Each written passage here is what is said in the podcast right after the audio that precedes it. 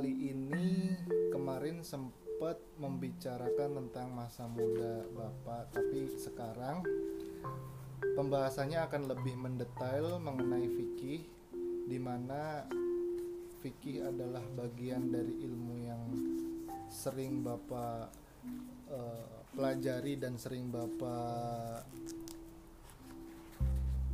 memberikan sebuah ceramah ataupun tausiah kepada masyarakat mengenai hukum-hukum Islam, syariah Islam ataupun yang berkaitan erat dengan eh, yang dikenal dengan nama fikih. Jadi yang paling pertama ingin ditanyakan itu sebenarnya adalah mengenai hukum riba. Hukum riba itu apa sih? Dan ada berapa jenis hukum riba, Pak? Silahkan dijawab. Riba itu menurut bah- bahasa ialah tambahan istilahnya tuh. Jadi menurut istilah fikih riba adalah kelebihan yang tidak disertai pengertian barang yang disyaratkan bagi salah seorang dari kedua pihak yang terakad. Yang dimaksud dengan kelebihan baik dengan harta seperti uang atau barang atau jasa. Seperti umpamanya si A berbicara dengan si B, saya bersedia meminjamkan uang kepadamu akan tetapi kamu cang apa kamu eh, tambahkan ya, sekian persen.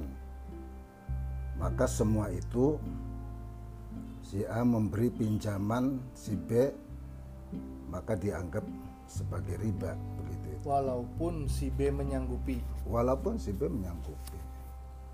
Dan itu di dalam akad istilahnya. Kalau umpamanya tidak di dalam akad ya tidak apa-apa.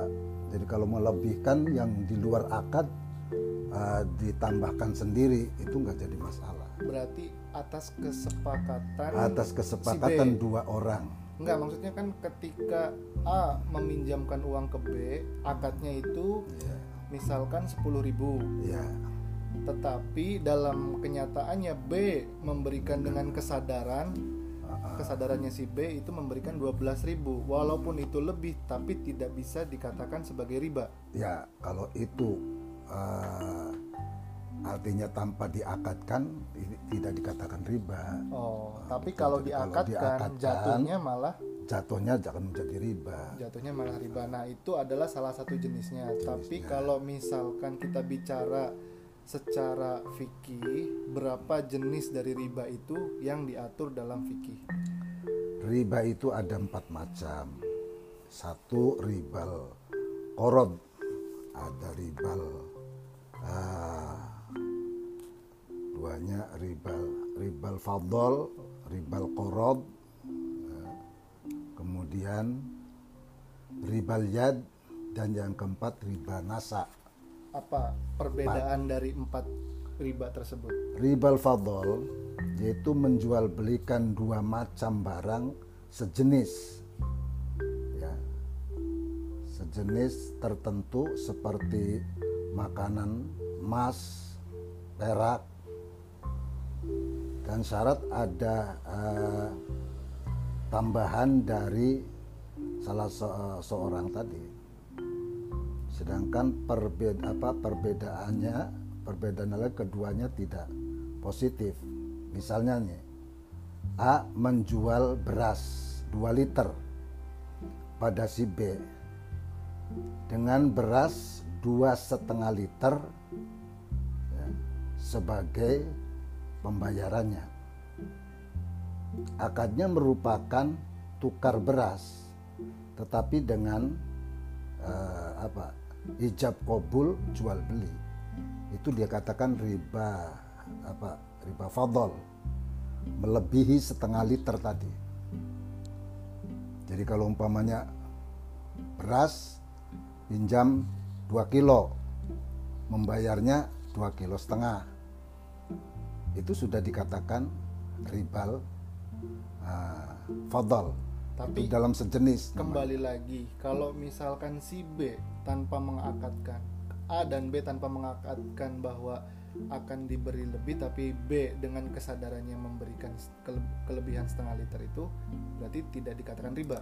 tidak kalau semuanya pokoknya Semua kalau tidak bersumber pada akad. akad semua riba itu disumberkan dengan akadnya Oke. Kalau tidak dengan akad ya tidak dikatakan riba. Itu berarti sistemnya sebenarnya hanya barter saja. barter. Oke, yang kedua. Sama dengan ribal koret itu kan jenisnya saja. Kalau tadi kan jenisnya satu, jenis. Dengan jenis eh, yang sama. mentukarkan ba- barang kan begitu tuh. Beras dengan beras, beras emas dengan beras emas. dengan emas satu satu jenis. Oke. tapi ada kelebihannya. Oke, kan gitu. kalau yang koret kalau yang koret itu adalah eh, piutang uang ya artinya meminjamkan atau eh, hutang hutang uang umpamanya eh, 10 harus dibayar 12 lima- 50 misalnya ya. hmm, itu Atau yang tadi dibicarakan di contoh sama. pertama. Hmm. Itu koret. dengan eh, dengan eh, barang lain atau jasa ya, dengan uang lagi sama saja itu riba namanya atau umpamanya dengan jasa bagaimana saya akan meminjamkan uang kamu 100 ribu asalkan kamu bantu saya tuh oh, Membangun rumah. bukan membangun rumah artinya terlalu banyak itu sih nah ini ngisikan anulah eh, kamar mandi supaya penuh itu namanya jasa kan begitu tuh Iya. nggak boleh itu Nggak boleh. Itu namanya dia memanfaatkan Memanfaatkan si B. Ah, situasi karena untuk, si B sudah meminjamkan eh, meminjam uang meminjam kan uang. gitu. jadi ta'awunnya hilang begitu tuh Oh, gitu. Jadi Kan sedangkan manfaatnya kita meminjamkan itu kan ta'awun apa itu tahu? ta'awun itu artinya menolong orang Heeh. jadi Tapi kalau misalkan dianggap lunas setelah memberikan jasa itu gimana posisinya pak? Kan misalkan B nggak keberatan ketika A meminjamkan uang ke si B, kemudian B disuruh untuk melakukan sesuatu berkaitan dengan jasa, itu tapi si B tidak berlaku hanya si A dan si B saja pada orang lain pun demikian pastinya orang lain pun ada ada unsur keberatan Oh sebenarnya jadi bukan bukan karena A dan B-nya saja tapi Oh. untuk orang lain bagaimana Oh iya iya iya. Kita juga memikirkan orang lain bagaimana nggak cuma dia doang ya. Lah iya Oke, itu yang ya, itu yang kedua, tidak boleh menggantikan utang dengan jasa. Ketentuannya itu ya dengan ah, dengan pengertian azaid wal mustajid finar apa artinya? Yang menambah dan yang meminta tambah itu sama-sama dalam api neraka. Dua-duanya? Iya.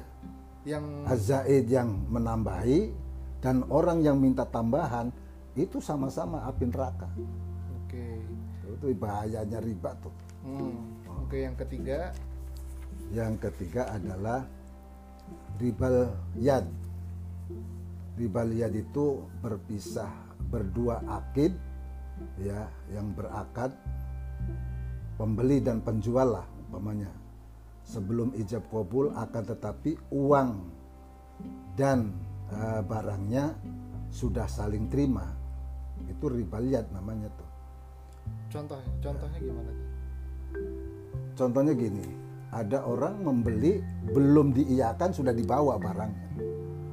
Ada orang membeli barang, Membeli barang, belum diiakan Belum oleh si diiakan penjual. so penjual, ternyata sudah dibawakan lebih dulu. Oh, Nah itu barang itu sudah masih dalam keadaan riba, sebetulnya riba liat namanya tuh. oh, Atau minta um, minta imbuh orang yang membeli itu minta imbuh.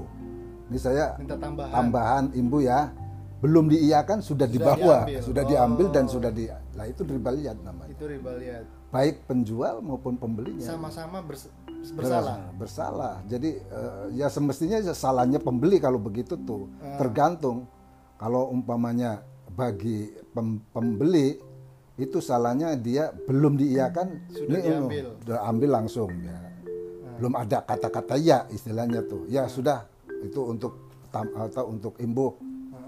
Nah, tapi sudah dibawa. Itu namanya riba liat begitu pula orang pen- penjual kadang-kadang ngurangi timbangan. Kadang-kadang juga uh, mencipre apa mencampuri barang.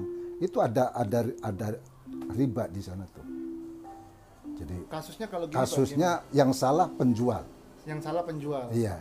Nah kalau posisinya gini kita menjual minyak eh, katakanlah Dicampur bahan air gitu. bakar, iya bahan bakar minyak kemudian kita campur air sehingga liternya itu akan bertambah. Heeh. itu hukumnya juga riba. Riba ternyata. Berarti riba lihat namanya. kalau ada lembaga yang menjual minyak tapi ada campuran airnya maka itu dia riba. Riba. Baik penjual ataupun pembeli sama-sama kena riba. Bukan pen- pembelinya tapi, penjualnya yang terkena riba. Kena ribanya tuh. Karena pembeli nggak tahu. Nggak tahu. Oke itu yang itu yang ketiga tapi kalau yang keempat ini kayak gimana keempat Yang keempat itu riba nasa. Riba nasa itu mensyaratkan ya menangguhkan salah apa salah satu dari kedua barang yang dibeli atau pembelinya pada waktu tertentu. Misalnya gini. Saya terima uangnya akan tetapi barangnya belum ada. Ya harus nanti saja barangnya sih. Tapi uangnya sudah diterimakan. Itu akad jual beli begitu itu namanya riba nasa. Oh zaman sekarang itu ada yang kayak ah gitu? sekarang namanya itu namanya online ya? Pre-order. Jadi kita gini pak. Pre-order itu gini. Apa itu sama nggak? Jadi gini analoginya seperti ini. Saya membeli barang misalkan eh, jaket. Hmm. jaket itu hanya berupa gambar tapi kita membayarkan agar jaket itu dibuat. Kemudian setelah kita bayar itu si penjual itu membuat jaket tersebut lalu dikirimkan ke kita. Memang sesuai dengan gambar tapi pada kenyataannya kita menjual eh kita mengirimkan uang terlebih dahulu lalu kita menunggu dengan beberapa waktu yang cukup lama seminggu sampai dua minggu baru barang bisa dikirimkan ke kita. Itu itu terhitung riba atau enggak? Itu mestinya jangan akadnya jual beli. Supaya tidak terkena riba akadnya itu pesanan. Memesan barang. Memesan barang. Bukan bukan akad jual beli. Bukan jadi akad kalau jual beli. kalau akad jual beli itu nantinya menjadi riba. Oh. Nah, itu tuh jadi Tapi kan kalau misalkan kita beli di online itu kan tidak ada akad dalam artian kita hanya mengirimkan pesan. Iya pesan saja. Jadi lebih baik saya pesan barangnya seperti gambar ini harganya berapa. Hmm, Kan gitu saja. itu nggak masalah. Nggak masalah. Oke. Jadi jangan sampai eh, mengandung salah akad gitu tuh. Oke, ya clear. Itu itu adalah keempat jenis riba. Hmm, Jenis riba riba nasa. Ya. Ah, riba nasa. Riba nasa tadi adalah karena apa? Ya mensyaratkan menangguhkan barangnya tapi uangnya sudah lebih dulu Datang. eh, Diterima. diterima dan diejabkan dengan jual beli. Oke. Nah, itu da- itu tadi adalah keempat jenis riba yang sudah disebutkan dan dengan masing-masing contoh. Tapi eh, banyak banget kejadian di masyarakat itu yang menganggap bahwa kredit rumah, kredit mobil, kredit motor ataupun kredit lainnya itu merupakan sebuah riba. Itu tergolong riba yang mana? Kredit seperti apa? kredit kredit kita kita beli motor dengan harga misalkan motor tersebut harganya 10 juta kita kredit kita cicil per bulan sehingga setelah sampai lunas itu jika kita hitung maka kita membayarkan kepada pihak penjual itu sekitar 15 jutanya atau bisa 20 juta dua kali lipatnya gitu. Mengenai kredit itu boleh saja kalau kita sudah diakadkan dengan sepakat antarodin saling merelakan. walaupun harga jualnya lebih Iya, harga harga jual itu asalkan jangan menemui dua akad. Kalau pada saat menjualnya atau kreditnya ditentukan, ini kalau dijual kontan sekian harganya umpamanya 100 Iya. 100 juta. Iya. Ini kalau dikreditkan bisa menjadi 150 juta Iya, itu umpamanya. tidak boleh karena ada dua akad. Iya, ada ada yang di- dilarang itu dua akadnya. Dua akadnya. Jadi kalau Iya. kalau yang aman seperti apa? Yang aman itu saya kreditkan mobil ini dengan satu cicil apa dengan cicilan sekian. kan begitu tuh. Oh, jadi tidak perlu disebutkan tidak usah disebutkan dengan harga kontannya harga berapa. kontan berapa dan tidaknya Hmm. Nah, sebab kalau itu eh, eh, istilahnya ada yang menyakitkan orang yang tidak punya duit istilahnya kan yang mau kredit Tapi kalau seandainya dengan akad cicilan tersebut, misalkan eh, yang tadi Bapak sebutkan ini kalau misalkan di kredit itu harganya 150 juta. Mm. Tapi ternyata si pembeli itu mengetahui harga harga tidak kreditnya atau harga kontannya. Itu tidak masalah masalah. Tidak masalah kayak tidak gitu. masalah. Karena orang yang membeli kontan pasti tahu kan dengan harga kontan dengan harga kredit. Mm, tapi tidak diakatkan seperti pada saat kreditnya kalau kontan sekian kalau kredit sekian lah ini yang dilarang itu dua akadnya tadi. Mm. bukan bukan karena kita tahu dan tidaknya tapi di situ yang dilarang itu menyebutkan kalimat yang sifatnya dua akad. Hmm. kalau kamu kencengkan kalau kamu bayar kontan sekian satu 100 juta. Tapi kalau umpamanya kamu kredit kan ini mencapai 150 juta umpamanya. Nah ini yang dilarang itu adalah dua akadnya tadi tidak boleh membeli satu barang dibuat dua akad gitu jadi kalau sanggupnya mau kenceng kencenglah di situ kalau mau ke- uh, kalau mau kredit kredit lah kan gitu saya sanggupnya kredit kredit saja Walaupun memang harganya tidak sesuai Iya. dengan harga asli nggak masalah. Gak masalah kalau satu satu akad sih. Oke, itu adalah beberapa definisi ataupun contoh dari riba. Sekarang ada lagi nih Pak, mengenai hukum fikih dari hak waris. Jadi penjelasan tentang hak, waris itu seperti apa? Hak waris itu ya sesuai dengan pembagian waris. Siapa pun yang membagikan waris itu harus betul-betul disesuaikan dengan pembagian-pembagiannya.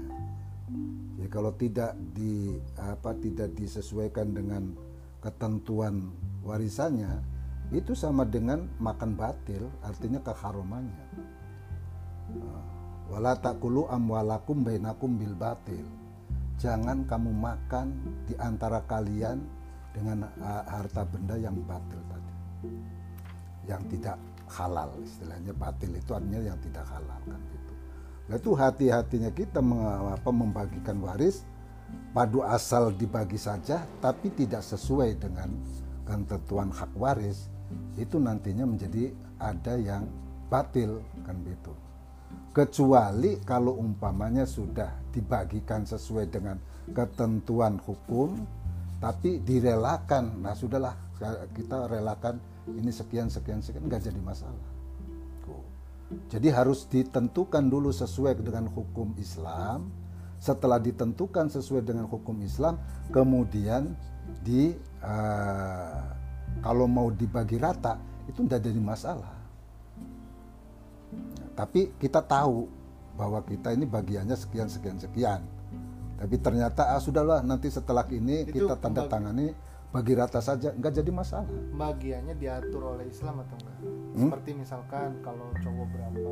iya itu di ada di dalam Quran walil wali, wali zakari mislu hadil unsain itu kan ayat ayatnya wali zakari dan bagi laki-laki itu memiliki dua bagian itu dari dari ayat sudah Kalau laki-lakinya banyak, Ya dia tetap laki- dua bagian. dua Umpamanya iya. Umpamanya kalau laki-lakinya tiga, iya. perempuannya lima, Ah, ya berarti lima ditambah tiga, delapan, delapan ditambah tiga lagi karena tiga itu uh, dapatnya dua bagian kan gitu tuh. Maka dilipat lagi, berarti enam, enam daman lima, Oh, berarti nanti dibaginya kan dibaginya sebe- sebelas. Yang laki-laki dapat dua bagian yang perempuan dapat sebagian. sebagian. Gitu caranya Oke. Tapi gini Pak, i- contohnya seperti ini. Ada yang ada yang pernah me- me- memiliki sebuah kasus di mana eh, si anak ini eh, dipaksa. Anak ini memiliki harta nih Pak. Anak ini memiliki harta. Anak ini memiliki sebuah rumah misalkan. Memiliki sebuah rumah. Kemudian orang tuanya itu menginginkan rumah tersebut sehingga anak itu e, ibaratnya menjualkan rumah tersebut kepada orang tuanya. Tetapi ketika sudah orang tuanya meninggal, itu rumah menjadi milik siapa? Apakah mem, haknya dimiliki oleh anak yang pernah memiliki rumah tersebut ataukah kepada anak yang lain? Karena itu sudah memiliki sudah menjadi milik orang tua. Itu bagaimana? Kalau rumah itu miliknya orang tua, belum dibagi, maka itu dibagi sesuai dengan ketentuan ahli waris. Nggak gini, anak itu rumah tadinya punya anak. Katakanlah anak yang kedua misalkan, hmm. tapi seorang perempuan. Hmm. Tapi orang tuanya menginginkan rumah tersebut. Akhirnya uh, dijuallah rumah tersebut karena tidak terpakai kepada orang tuanya Nah, ketika orang tuanya meninggal, menjadi milik siapakah hak dari rumah tersebut? Apakah kan sudah tetap dijual? Iya, sudah dijual memang. Lah iya, ya enggak ada hak siapa siapa ya Berarti tetap penjual. Dibagi, haknya penjual. Si eh, yang haknya pembeli lah. Si anak itu tidak memiliki hak kembali berarti. Iya, iya. Oh. Yang itu sudah dijual. Ya. Karena, karena kalau sudah dijual oleh orang tuanya, hmm. ya sudah nggak nggak ada. Berarti sudah menjadi milik orang tuanya. Iya, berarti itu bukan bukan miliknya uh, anak itu anak. lagi. Sebetulnya kalau miliknya anak itu orang tua boleh uh, boleh memakai sebetulnya sih, boleh me menghaki sebetulnya. Tapi kalau umpamanya itu milik orang tua, anak tidak belum belum bisa menghaki. menghaki. Iya. Itu hanya kebalikannya seperti itu. Oke. Itu dari segi waris. Jadi memang uh, sebenarnya hak hak waris ini terkait fikihnya sudah diatur di dalam Al-Qur'an. Iya, sudah ada. Secara garis besar eh, laki-laki uh, memiliki jatah dua bagian dua daripada bagian. perempuan. Sedangkan perempuan hanya satu bagian. Kalaupun memang ternyata dalam kenyataannya jumlah orang laki-lakinya ada banyak dan jumlah perempuannya ada banyak, maka tetap porsinya akan dibagi menjadi dua bagian untuk laki-laki dan satu bagian untuk perempuan apa lagi pak? Ya terserah. Apa lagi kamu udah sih itu aja. Jadi untuk sementara ini secara garis besarnya ada dua topik pembahasan antara riba yang tadi dijelaskan atau dengan uh, hukum hak waris yang sempat dijelaskan juga. Nah, terkait fenomena saat ini, Pak, banyak orang-orang yang menghakimi bahwa ketika kita menabung di bank, ketika kita uh, memiliki sebuah uh, tabungan di bank itu kan ada bunganya.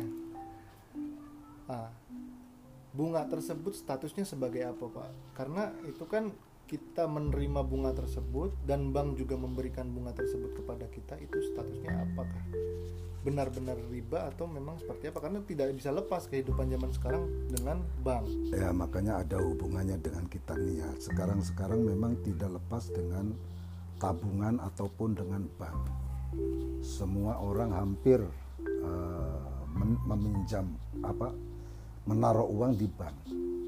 Bahkan orang membayar sesuatu itu lewat bank. Nah, makanya dulu pengertian bank itu kan ada yang mengharamkan ada yang menghalalkan. Bank itu adalah hanya dengan uh, apa ya simpanan sebetulnya bank itu tuh. Nah sebetulnya yang mengharamkan itu seperti apa yang dibolehkan itu seperti apa kalau yang dibolehkan itu kita jangan uh, mengakadkan pada saat kita pinjam uang. Ini pinjam uang namanya. Kalau pinjam uang diakadkan, itu jelas di sana akan ditentukan ada ada ribanya. Ada ada ribanya. Iya. Sebab dia akan mengatakan prosentasenya harus membayar sekian. Ya, dan itu, itu sama boleh. dengan ribal koret, sama dengan dan, ribal koret. Dan nggak boleh seperti gak itu. Nggak boleh. Jadi jadi kalau kita seperti apa? Jadi kalau kita umpamanya mau pinjam uang, pakai kertas aja, catatan mana yang saya harus isi. Oh, jadi kalau mana yang saya harus isi, kemudian ditulis nominalnya berapa? nominal berapa, tulis saja semuanya, seret Nah itu diserahkan terus tanpa ada akad akad dalam lisan, adanya dalam tulisan. itu sumbernya menurut Menurut pengertian ulama boleh ada ya, yang valid ada, ah, membolehkan membolehkan. Ada juga yang tetap itu mengharamkan. Ada juga Jadi ada khilafnya di situ. Sebab hatinya tetap akan berbunyi seperti itu kan begitu. Sekalipun hanya ditulis. Jadi ada beberapa ulama yang mengatakan bahwa kita men- mem- mem- membicarakan sebuah akad dalam hati itu merupakan akad yang sesungguhnya. Mm-mm. Padahal dalam kenyataannya ketika akad nikah pun kita membicarakannya lewat Lisan. bukan lewat hati. Bukan lewat hati. Karena kalau lewat hati tetap tidak sah, Tidak sah. harus diucapkan dengan lisan. Sementara ini cukup sekian pembahasan tentang fikih dari eh, hukum riba dan hukum hak waris. Jika ada beberapa pertanyaan terkait fikih lainnya, bisa ditanyakan nanti akan didiskusikan kembali dengan Bapak. Terima kasih. Wassalamualaikum warahmatullahi wabarakatuh.